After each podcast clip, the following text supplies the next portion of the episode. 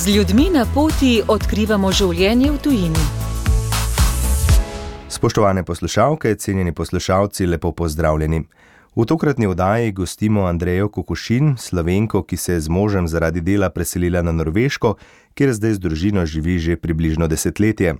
V naslednjih nekaj minutah boste tako lahko prisluhnili pogovoru o izkušnji življenja v tujini, spregovorili pa bomo tudi o Norveški in njenih prebivalcih. Andreja Kukušin, lepo pozdravljeni. Lepo pozdravljeni. Omenili ste mi, da ste Slovenijo zapustili, ker vaš mož ni našel službe.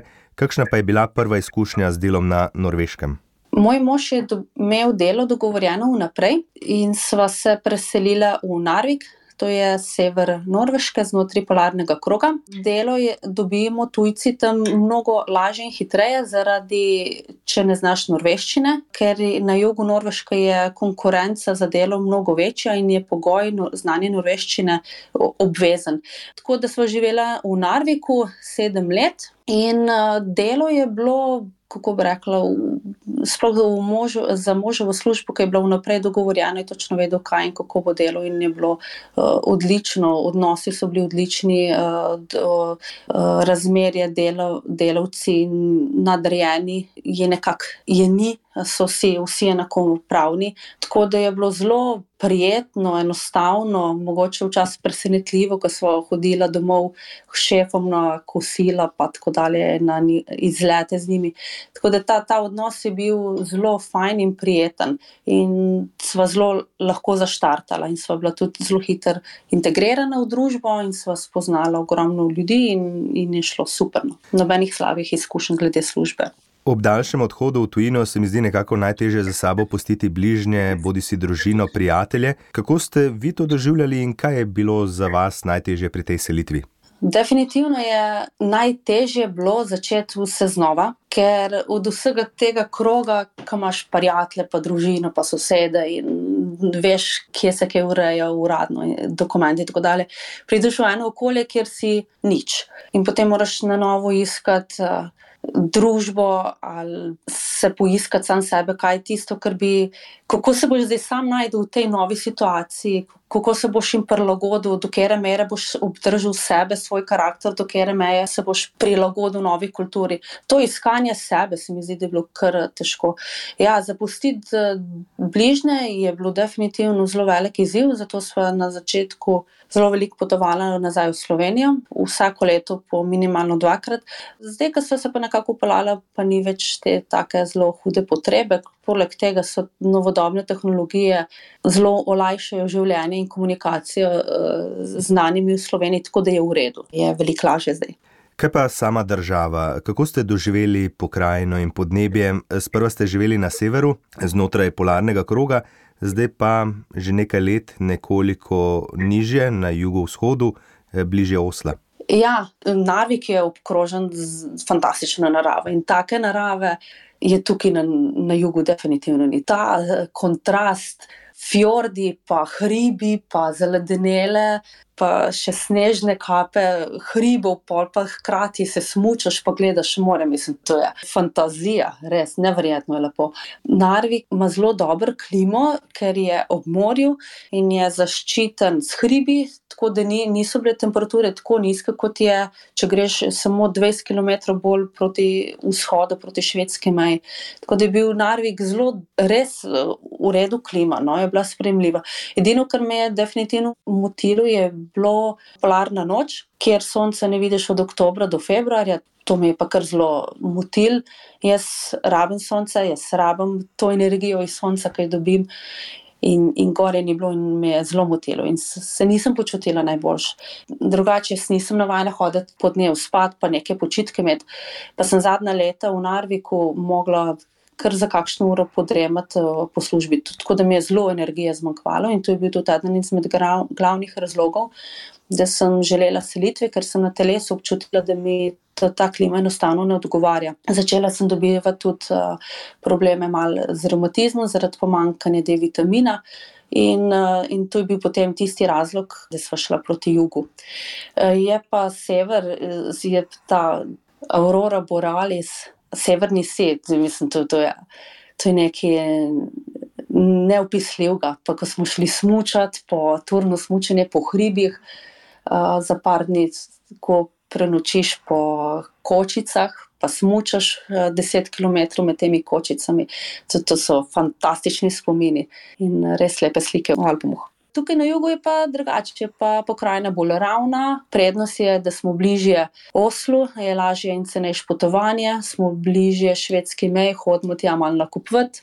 Je cenejša cena, so druge prednosti. Mi je fajn, da je sonce, narava je pa, je pa mogoče malo bolj dolgočasna, ker je pa bolj možu ne odgovarja. Ampak tako ja, neki kompromisi mora biti. Ja, za prebivalce bolj severnih območij se omenja, da naj bi bili tudi bolj podvrženi depresiji, tudi zaradi te stalne noči teme. Ste to doživljali, začutili znotraj družbe? Pa Narvik, uh, ker je fajn bilo v Narviku, ker je tu majhno mestece, približno 17 tisoč prebivalcev. In se mi zdi, da so ljudje bili tako povezani in so se jih mogoče zaradi tega meta v depresiji, pa to, se tako zavedajo, da znajo skrbeti en za drugega. Zelo veliko so organizirali nekih družabnih srečanj, pa, pa so en drugega vabili, pa tudi tisti, ki so vedeli, da živijo sami. Tako da se mi zdi, da so zelo veliko pazili ena drugega, no? se mi bolj kot tukaj. Ja, depresija je definitivno prisotna, mislim, da so naražani na vrhu, če se ne motim, uh, po depresijah. Ampak jaz mislim, mislim, da ni tukaj samo polarna noč, tema, ampak bolj ta osamljenost, ki privede do depresije. Eni ljudje, norvežani, niso tako družabni, niso tako ekstrovertni. To je bilo tudi eden izmed uh, glavnih stvari, ki sem se jo mogla jaz sama pri, uh, prilagoditi, ker sem ekstrovertna, pa rada na glas govorim. Norvežani so tihi. Ne rabijo tukaj te interakcije, in potem hitro pride tudi do tega, da ja, so veliko sami. Ja, to je prav moje naslednje vprašanje. Kakšni so Norvežani? Omenili ste, da bolj zadržani, bolj zaprti kot Slovenci, pa so tudi razlike recimo, med tistimi, ki živijo na severu, pa tistimi, ki živijo bližje Osla. Jaz sem se bolj počutila v Narviku, v družbi Norvežanov, kot tukaj. Mogoče jih zaradi tega, ker so bolj pazili, da jih bolj so vključevali, bolj so se zavedali vpliva polarne noči, mogoče pa so, pa so nas skušali bolj vključiti. Tukaj smo bolj prepuščeni, da smo sami. No. Zakaj temu tako? Ne vem, mogoče ne čutijo te interakcije. No. Je primarna družina, pa tudi nimajo tako zelo veliko interakcij s svojimi eh, starši. Pa, Tako kot imamo v Sloveniji, da hodimo ob nedeljah na obiske. Te, teh obiskov je mnogo, mnogo manj.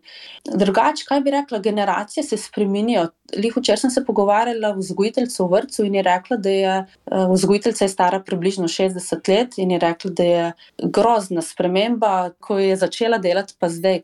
Ta nova generacija otrok je mnogo bolj če lahko rečem, razvajena in so nekako šefi v družini, medtem ko je bila tista prva generacija še tista, mogoče tipično norveška, ko so prijazni, vljudni. Kljub temu, da ni tukaj interakcij, so še vedno zelo spoštljivi in prijazni in tolerirajo kar dosti velik. Tako da recimo meni je norveška družba 40 plus letniki, zdaj to so fantastični ljudje, to so zanesljivi, spoštljivi, umerjeni kulturni, zelo veliko sočutje čutiš pri njih. Recimo, če sem tak primer, za, zdaj, ki je bilo za cepljenje COVID-a. Tle sploh ni bilo debate, ali se boš cepil ali ne. To je bilo enostavno, ja, vsi se moramo cepiti, da zaščitimo en drugega. Zelo, ta, zelo, se močno čuti ta čut za skrb en drugega no, pri tej gener, starejši generaciji. Sploh. Ta, ta mlajša generacija, bom rekla, mogoče je že bolj na, navajena na individualizem, ampak to je mogoče nek sindrom današnje zahodne družbe. Jaz bom rekla, da tukaj ne bi bila tukaj časa, če se ne bi dobro počutila. Kljub temu, da mogoče zdaj nimamo tukaj norveških ljudi, s katerimi bi se družila, ampak mogoče naj še vedno vežejo ti ti stiki iz Narvika in vem, imamo zelo redne stike tudi z njimi, zdaj še vedno. Kaj pa socialne pravice in življenjski standard? Kaj si ljudje za plačo lahko privoščijo, e, kolikšen del plače se nameni za stanovanje? Omenili ste, da po nakupih greste, kdaj pa da je tudi na Švedsko. Na Švedsko hodimo zadnjo leto, ko so šle cene elektrike gor. Tako da se je to kar poznalo. Za primerjavo, lansko leto smo plačali na mesec aprila, mislim, da je bilo lanski april 70 evrov, letošnji april smo dali 700 evrov. To se pa že pozna. Ja, medva ima mesečnih stroškov 5600 evrov, to so stroški. Kar vključuje kredit, šolanje otrok, vrtci. Je res, da imamo starejšega otroka v privatni šoli, tako da to tudi nekaj doprinese. Najemnine so približno iste kot krediti, tako da ljudje večinoma potem grejo na kup kredita. Niso pa vsi, ki so si sposobni kredita urediti. Med vama obe redne službe, bom rekla, ok službe, tako da nama gre ok, medva sva dobro stabilna. Uh, so pa ljudje, predvsem samohranilci, ki ali pa medicinske sestre, frizeri, ki jim pa ne gre, nimajo tako visoke plače, da bi zdaj uh, živeli nekaj ekstra luksuzno. Tako da je zelo odvisno. Predvsem to se mi zdi, ker ali sta par še skupaj, ker je tukaj čitev že zelo veliko, tako da to zelo veliko prinese, pa potem, kje delaš. Kakšne pa so razmere na trgu dela, recimo, kako je s ponudbo služb in zamenjavo? Norvežani zelo hitro menjajo službo, pa tudi pozicije znotraj same firme. Ne vem, na dve, tri leta bom rekla, ker zamenjajo pozicijo ali pa hoče napredovanje. Tako da to je zelo fleksibilno. Še nisem srečala osebe, ki bi začela isto, na istem delovnem delu samo deset let nazaj, ko se nekaj spremenja. Je zelo hitro, kar je za delodajalca je mogoče težko, ker lih nekoga upelje, da mu dobro dela pa mu odide, gre naprej. Za samega delavca je pa to ok, ker neustano napreduje, pa se uči novih stvari, da dobiš neko širino. Tako da ja, so plusi in minusi. Ni pa za delodajalca noben šok ali pa velikih razočaranj, če, če se zapušča. Delovno mesto. Tako pač je in tega vejo, in to je, je del družbe, in tako pač funkcionira. Imate otroke stare 2, 5 in 7 let, spoznali ste že tudi nekoliko ta norveški vzgojno-izobraževalni sistem. Eh, se bistveno razlikuje od slovenskega? A, jaz slovenskega šolskega sistema ne poznam, vsaj ne to, kar je dan danes. Eh, poznam to, kar se je dogajalo 30 let nazaj, tako da zelo težko primerjam. Bom pa povedala, kako je tukaj. Medva so prvo dala eh, starejšega sina, ki je v, zdaj v drugem razredu, v javno šolo. In kar je naj mal presenetilo, je, da morajo. Uh, otroci, pametnejši, tisti, ki hit, se hitreje učijo, morajo slediti šipkejšim v razredu, zato da grejo nekako skupaj naprej. Ker se mi zdi malo nepošteno, meni osebno, eh, do tistih, ki imajo potencial, zaradi tega, ker se začnejo otroci dolgočasiti in potem, ko se dolgočasijo, jim grejo neumnosti po glavu. Tako da Norvežani nimajo preveč radi, da zelo izstopaš, da si preveč dober, da si prehiter. Po eni strani razumem, po drugi strani se mi ne zdi to potrebno, ker ljudje smo, ker smo vsi različni in, in tudi šole je nek pokazatelj. Eni so boljši, eni so slabši v enih stvareh, predmetih. Tako da se s tem mogoče niti ne strinjam. Sva, se, sva pa upisala otroka zdaj v privatno šolo, ker imajo pa mal večji poudarek na delu, so mal bolj disciplinirani. Se pravi, da so mal bolj strogi, da s pravili, s pravili ne smejo po razredu hoditi, ker se je v prejšnji šoli tudi dogajalo, da so med poukom učenci že kar hodili med poukom. Tako da malo preveč prijateljski odnos učenci in učitelj. Tukaj privatni uh, je pa mal, bolj red in disciplina in imajo vse predmete razdeljene v treh kategorijah, tako da si potem učenec sam na podlagi svojega znanja odloča, ali bo delal težke naloge, srednje ali najbolj enostavne, lahke. Tako da to mi je po redu, ker, ker potem potem se znotraj te discipline in reda uh, najde učenec svoj nivo in potem na tistem dela in gradi. Učenci v norveških šolah nimajo ocen do sedmega razreda. Imajo ocene 8, 9, 10, do 7. razreda so pa pisno ocenjeni. Pri matematiki dober, pri norveščini še pa še tako. Tako da so pisne ocene. No. Zato, da se učenci ne obremenjujejo z ocenami, ampak z kao znanjem. To se mi zdijo največje razlike. Norvežani so povezani z zimskimi športi, slovenci jih najbolj poznamo po smočarskih skokih. E, kako ste vi to doživljali oziroma doživljate? Ja, smočarski skoki pa nordijsko smočanje. Ja, lahko pa mi eno prigodo. Medva smo bila 2015 v Vikersonu, ko je Petr Prevd zmagal svetovni rekord 250 metrov in smo imeli slovensko zastavo, in potem pride do naju ena gospa, pa nama čestita, super slovenci za, za vaš uspeh. In potem gre stran in pride en novinar do naju, pa pravi: A veste, poznate to gospo? Pa sem rekel: Ne, kdo pa je? Ja, to je pa mama od Tandeja. In so bila, joj, kulepo. In se nam je tako fajn zdelo, da je, da je prišla mama tazga smučarja do naju, pa naj jo pozdravlja. E, še to zgodbo bom povedala, ko sem delala v, moji prvi službi na univerzi. So me sprašvali, s kje prihajam, pa sem rekla Slovenija, pa so vsi mešali, da je Slovakija, Slovakija, ne, ne, ni to, to Slovenija. Pa, pa rečem, poznate Petra Prevc, pa Tino Maze. Ja, ja, oba sta super, no, to je, to je Slovenija. Tako da športniki so absolutno lepi in pomembni ambasadori naše države. Morda za konec le še vprašanje. Zdaj na Norveškem živite že toliko let, se boste tam postarali ali razmišljate o vrnitvi v Slovenijo? Selitev v Slovenijo je ena tema, ki jo imamo vedno na mizi odprto in se pogovarjava vsaj enkrat, dvakrat na let resno, ampak do, do te odločitve še ni prišlo. Medva so prišla na Norveško, mogoče skupaj 300 evrov smo imeli skupaj na računu in so mogli zelo veliko delati, da so prišla do nekega nivoja, da lahko tako normalno živimo in da se sprostimo in da niso vse ti večeri posvečeni in učeni in integrirani vsega in vsemu temu. Tako da zdaj je kar težko se to pustiti, pa iti nazaj. Je pa želja nekje tam v spod, v srcu.